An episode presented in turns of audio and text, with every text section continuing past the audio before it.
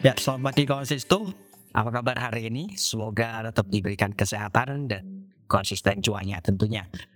Baik, kita jumpa lagi di pagi ini tanggal 27 Maret di Trading Ideas. Dan seperti biasa, sebelum kita membahas tentang IDD trading, ada baiknya kita review dulu pergerakan ISG di perdagangan akhir pekan kemarin atau di perdagangan sebelumnya. Nah, di perdagangan pekan kemarin indeksnya mampu untuk menguat. Ini luar biasa sih. Penguatannya itu berada di level 6762 ya. Kalau mau di uh, detailnya 6762 poin 254. Pel, uh, penguatan ini itu sebanyak 70 poin kalau secara poin tapi kalau secara uh, persentase penguatannya adalah 1,0 persen. Jadi ini banyak banget Pokoknya seperti yang selalu saya sampaikan, penguatan di atas uh, apa namanya, penguatan di atas satu persen itu banyak banget.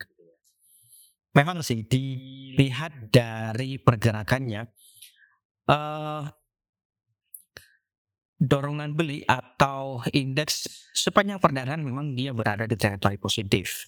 Ya, uh, wajar lah karena kan di bursa globalnya juga apa plusnya atau uh, berada pada kecenderungan menguat juga.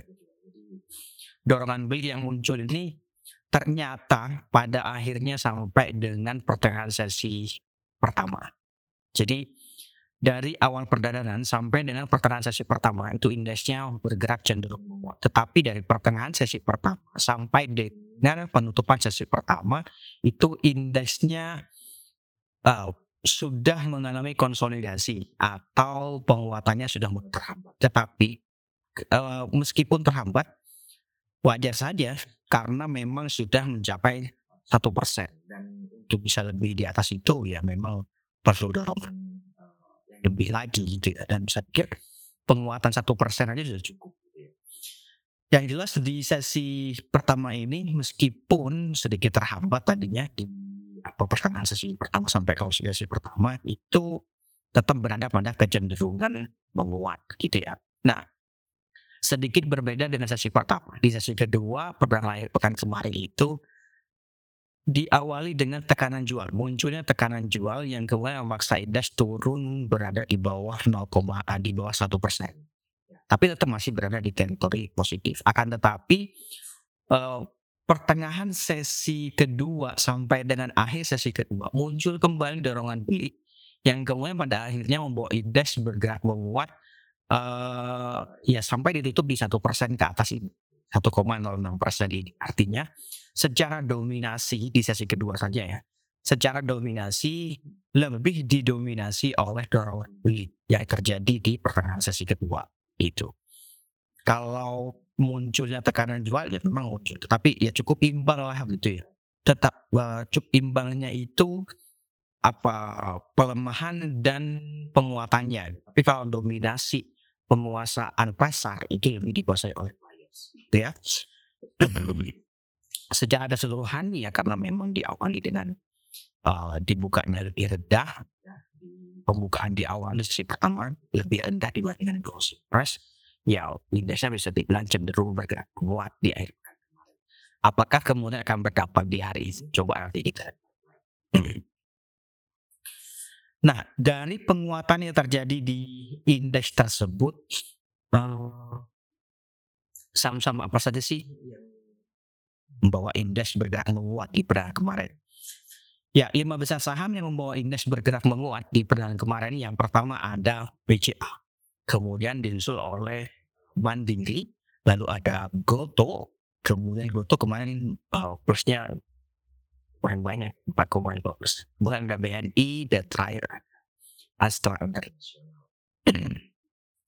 Itu dia lima besar saham yang uh, membawa indeks bergerak menguat. Nah sebaiknya lima besar saham yang mencoba untuk menghambat laju penguatan indeks itu ada apa saja? Yang pertama ada BRI, kemudian ada Telkom, lalu ada Kabel Pharma, ada Ro, dan terakhir ada Tower. Itu dia lima besar saham yang mencoba untuk menghambat laju penguatan indeks di BRI jalan naik sendiri kemarin. Sementara BCA itu menguat 3 persen, kemudian Mandiri penguatannya 3 persen, BNI sendiri itu penguatannya 4 persen. Ini BRI justru penguatan 2 persen di Nah itu dia untuk uh, apa namanya yang membawa indeks bergerak menguat dan yang mencoba untuk menghambat lagi penguatan Bagaimana dengan transaksi asing? Cukup menarik. Di peran uh, sebelumnya atau di peran akhir pekan kemarin itu asingnya mencatatkan net buy sebanyak 207 bio. Itu kalau dibutin 206.95 bio. Kalau 200 bio, 200 bio. 200-an bio lah itu secara keseluruhan. Tapi kalau kita coba lihat lebih detail pasar reguler sendiri itu asiknya mencatatkan net buy sebanyak 2 triliun. Di perdagangan reguler 2 triliun banyak banget. 2,27 triliun lebih pasnya. Banyak banget sih. Di perdagangan reguler. Kemudian uh, di perdagangan namun ya memang karena di perdagangan non regulernya itu aslinya juga mencatatkan net sales sebanyak 2 triliun juga ya. Jadi baik di perdagangan reguler maupun di perdagangan non reguler atau di perdagangan atau di perdagangan nego ya aslinya mencatatkan masing-masing transaksi 2 triliun. Kalau di perdagangan reguler net baiknya 2,27 triliun, di perdagangan non reguler ini aslinya mencatatkan net sales-nya 2,6 triliun. Apa sih transaksi di pasar nego yang uh, banyak dijual oleh asing tersebut. Kalau tidak salah, Tebik. Coba nanti dicek lagi ya. Tebik uh, uh, di perdagangan reguler kemarin masih jual dua triliun. Nah, itu dia untuk netbuy atau hasil asing. Nah, dari netbuy asing yang terjadi di pasar reguler tersebut, uh, seharusnya apa saja sih yang paling banyak dibeli oleh asing? Lima besar saham yang paling banyak dibeli oleh asing di pada naik pekan kemarin yang pertama adalah BCA. Kemudian ini banyak banget BCA naik buy asing di pekan kemarin itu sebanyak 800 ribu. Senin banyak, banyak banget. Kemudian disusul oleh Mandiri 600 euro. Sayangnya saya tidak bisa menampilkan sampai sekarang memang uh, kendala teknisnya belum bisa di belum bisa belum bisa diselesaikan. Oke, yang pertama ada BCA, kemudian ada Mandiri, lalu ada BRI, kemudian ada BRI. Ini empat besar aja itu sudah perbankan semua. Dan terakhir adalah Telco. Ya. Itu dia lima besar saham yang paling banyak dibeli oleh asing. Masing-masing itu sampai dengan Telco, sampai dengan lima besar itu semuanya di atas 100 view. Sama lagi BCA, BCA itu kemarin net buy-nya sebanyak 800 view kemudian Mandiri sebanyak 600 dio, lalu ada BRI 400 dio, kemudian BNI 200 dio. Ya, ini banyak banget, wajar loh, trading kok. Nah selain itu, uh, selain dari kelima besar itu, ya ada Gigansar, Indofood, Jetpin juga bakal ada. Tuhan masuknya mereka ke 10 besar. Mereka lima besar. Tadi yang empat adalah perbankan kemudian uh, yang nomor lima dan om oke itu dia untuk buy asing. Sebaliknya lima besar saham yang paling banyak dijual oleh asing pada naik kemarin. Yang pertama ada Astra International Astra International kemarin baru. Tetapi ya relatif sedikit sih karena cuma 64 bio.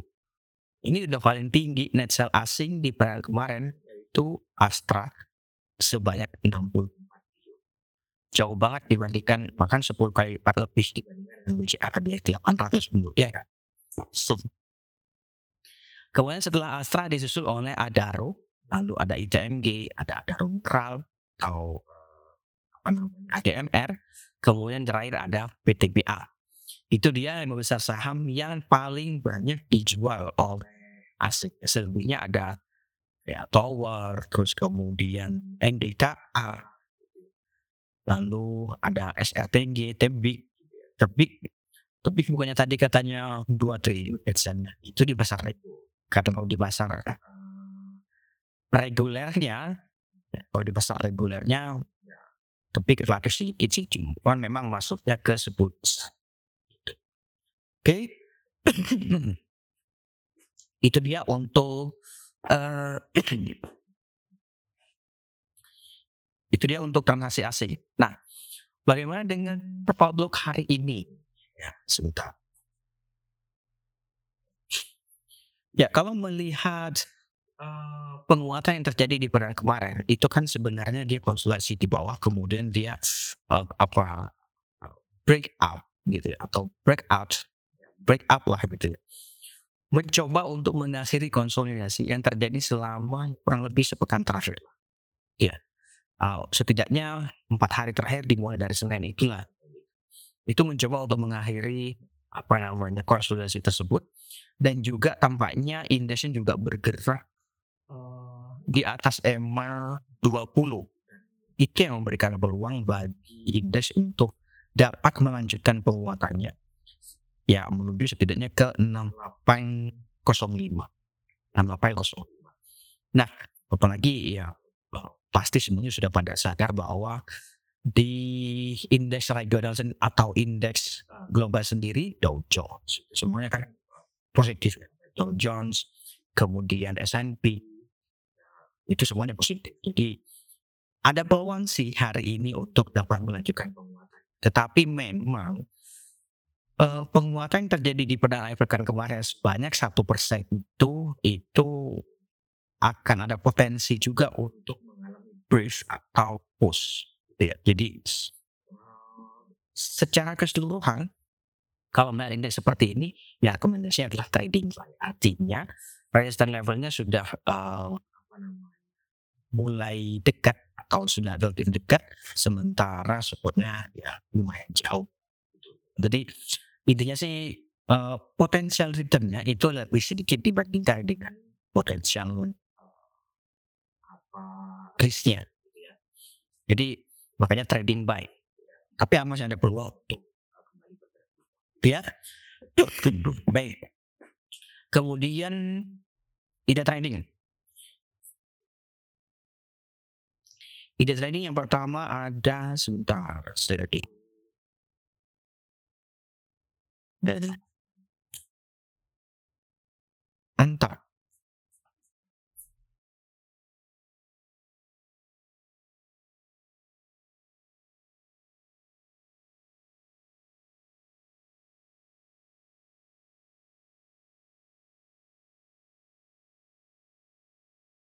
dia mengalami penguatan cukup tinggi. Bisa dibilang long white candle dia. Dan uh, bisa dibilang juga uji resist di 1890. Akan tetapi setelah penguatan yang terjadi itu, setelah penguatan cukup banyak di tanggal 17 itu, kemudian tiga hari berikutnya dia mengalami konsolidasi. Ya, dia mengalami konsolidasi itu uh, bisa dibilang push. Gitu. Tetap aja masih di ya bergerak di kisaran 1895 kemudian akhir pekan kemarin di terendah terendahnya 18 kalau melihat golden cross yang terjadi di MBC ini masih memberikan peluang untuk berlanjut. Dan yang pertama kemudian yang kedua kalau tidak salah kemarin kan sudah keluar laporan keuangan tapi yaitu mengalami kenaikan uh, mengalami kenaikan sebanyak 100 persen lebih ya 105 apa ya dibandingkan dengan tahun 2021 sebelumnya. Jadi menurut saya sih cukup menarik sih untuk apa namanya diambil. Oleh karena itu tidak lagi buy on breakout tetapi ini bisa saja speculative buy gitu ya. Speculative buy boleh dipertimbangkan di 1870 sampai dengan 1895 di level-level itu. Kemudian nanti target take profitnya boleh dipertimbangkan di 1940 sampai 1907 di level itu. Jadi uh, sekali lagi untuk Antam menurut saya sih boleh dipertimbangkan untuk baik TP-nya di 1940 sampai dengan 1975.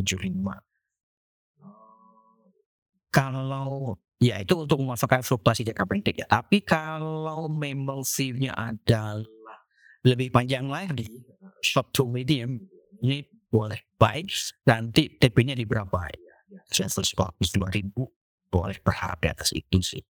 Ya, tapi kalau mau masuk fluktuasi jangka pendek terlebih dahulu, saya nggak menurut saya nggak ada salahnya TP-nya nanti misalnya dapat harga di 1895 1945 itu yang terdekat Nah, sorry, 1940 itu yang terdekat. Oh, apa namanya resistance levelnya.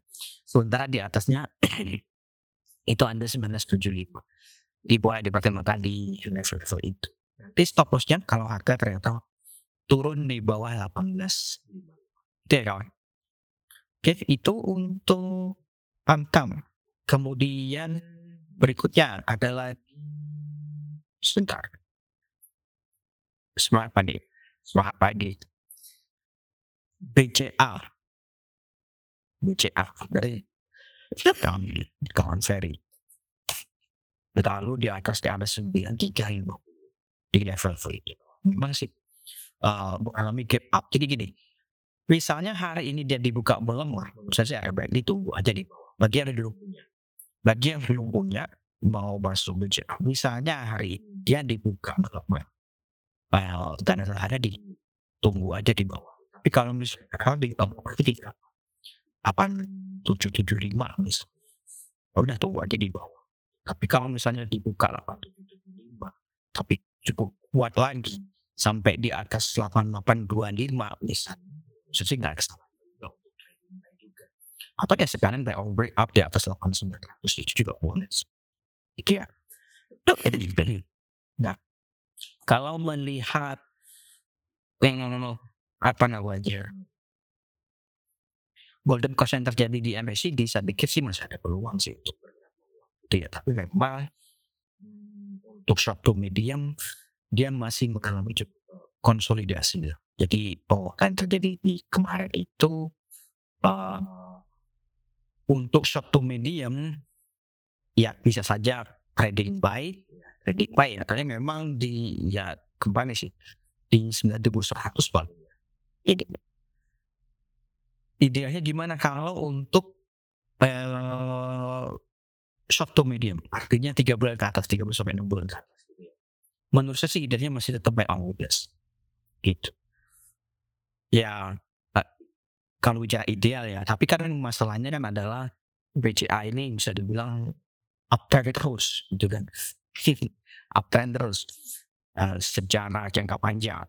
Kita uh, to medium ke atas itu berarti kan ya enam bulan ke atas atau tiga sampai enam bulan ke atas lah pokoknya gitu ya. Nah itu after those sih. Memang sebulan terjadi sih kayak gitu gitu tapi yang menurut saya sih itu tidak tidak menjadikan dia uh, mengalami reversal time sampai dengan saat ini sudah beberapa tahun ya sudah lama sih mulai tahun dari mulai dari tahun 2000 Wah, lama banyak lah pokoknya. Iya. Pandemi kemarin memang sempat turun. Sempat ada potensi untuk terjadi uh, reversal trend. Tetapi uh, dari tahun 2020 saja sampai dengan saat ini itu kan masih masih uptrend saja. Jadi menurut saya kalau view-nya emang long term, kan uji resistance level di 51 5125 ini. Ya. Jadi ini menurut saya sih bisa dipertimbangkan atau buy on breakout di atas 5125. Ya ini nanti 50 sampai dengan 5175 saya pikir masih boleh sih dia. Ya nanti TP-nya di berapa? Kalau misalnya dapat harga di berapa? Katakanlah 5150 itu misalnya ya. Saya pikir bisa di 5300 atau di atasnya 5400 juga boleh dipertimbangkan di itu TP-nya. Sudah ada. Oke, itu ya untuk uh, apa namanya JP nanti uh, stop lossnya atau kalau harga ternyata melemah sampai di bawah level psikologis lima ribu menurut saya sih nggak ada salahnya untuk dipertimbangkan aman cari modal terlebih dahulu. Ya, oke itu untuk Jepin Berikutnya ada Semen Indonesia SMGR. Oke, SMGR. Nah, cukup menarik sih menurut SMGR ini. Sebentar. 6325. Oke, jadi gini. Uh, saya bicara secara gambar gambaran besar. Weekly chart nanti coba di confirm aja dilihat aja nanti weekly chart. Ini bagus. Sedang uji resist di 6325 maka idealnya adalah buy breakout di atas 63 dan 25 baik itu 63 50 misalnya gitu ya. Oke, itu boleh juga. Itu yang pertama. Kalau dari weekly chartnya, penguatan yang terjadi selama empat hari terakhir lah bisa dibilang ya. Meskipun selama hari terakhir itu sendiri kan uh, sempat mengalami pelemahan, tapi pelemahannya ya, sedikit sih. Tapi di selama empat hari terakhir tersebut, uh, harga cenderung bergerak menguat. Kecenderungannya menguat namun memang sayangnya sampai dengan saat ini belum bisa bergerak di atas 6325 ini atau 6375. Iya selesai itu loh. Nah, oleh karena itu sih idealnya sih uh, buy on breakout masih dekat. Either di nah, tiga di atas 6325 atau ya kalau mau lebih konsum lagi di atas 6375 atau 6400 gitulah. Tapi uh, di atas 6325 pun itu sudah mulai. Kalau uh, shop to medium atau boleh juga kalaupun mau di hold. Gitu. eh kok ya? Itu untuk SNDR kawan kita lanjut. Ada lagi. Uh, bagi yang belum punya mungkin bisa dipertimbangkan. Ada baiknya dipertimbangkan untuk buy on breakout saja di atas 41 dan di atas pas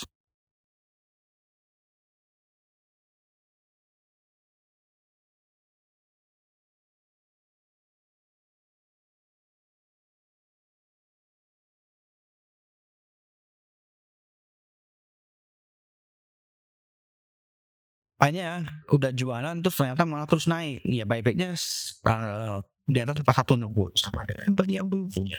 Atas empat satu enam puluh sih ikut. Oke, itu untuk Telkom. Bagaimana dengan Excel temennya? Nah ini agak uh, unik. Makanya tadi sebenarnya sih cukup sama polanya ya dengan Excel ini. Excel kemarin juga gagal dia melewati EMA 20. Bedanya adalah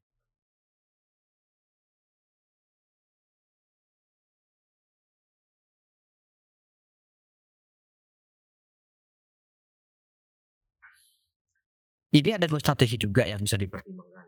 Buy on breakout, yaitu di atas 2060 ya untuk Excel atau boleh saja ini. Apa demikian? Karena kemarin closingnya di level psikologis 2000 tuh ya kan? Nah kan lumayan tuh. Biasanya kan level 2000 itu eh, apa namanya cukup kuat lah. Atau atau iya akan mencoba untuk bertahan di situ lah biasanya. Demikian ya. Jadi setiap buy pun boleh 80 misalnya sampai dengan 2000 pun juga.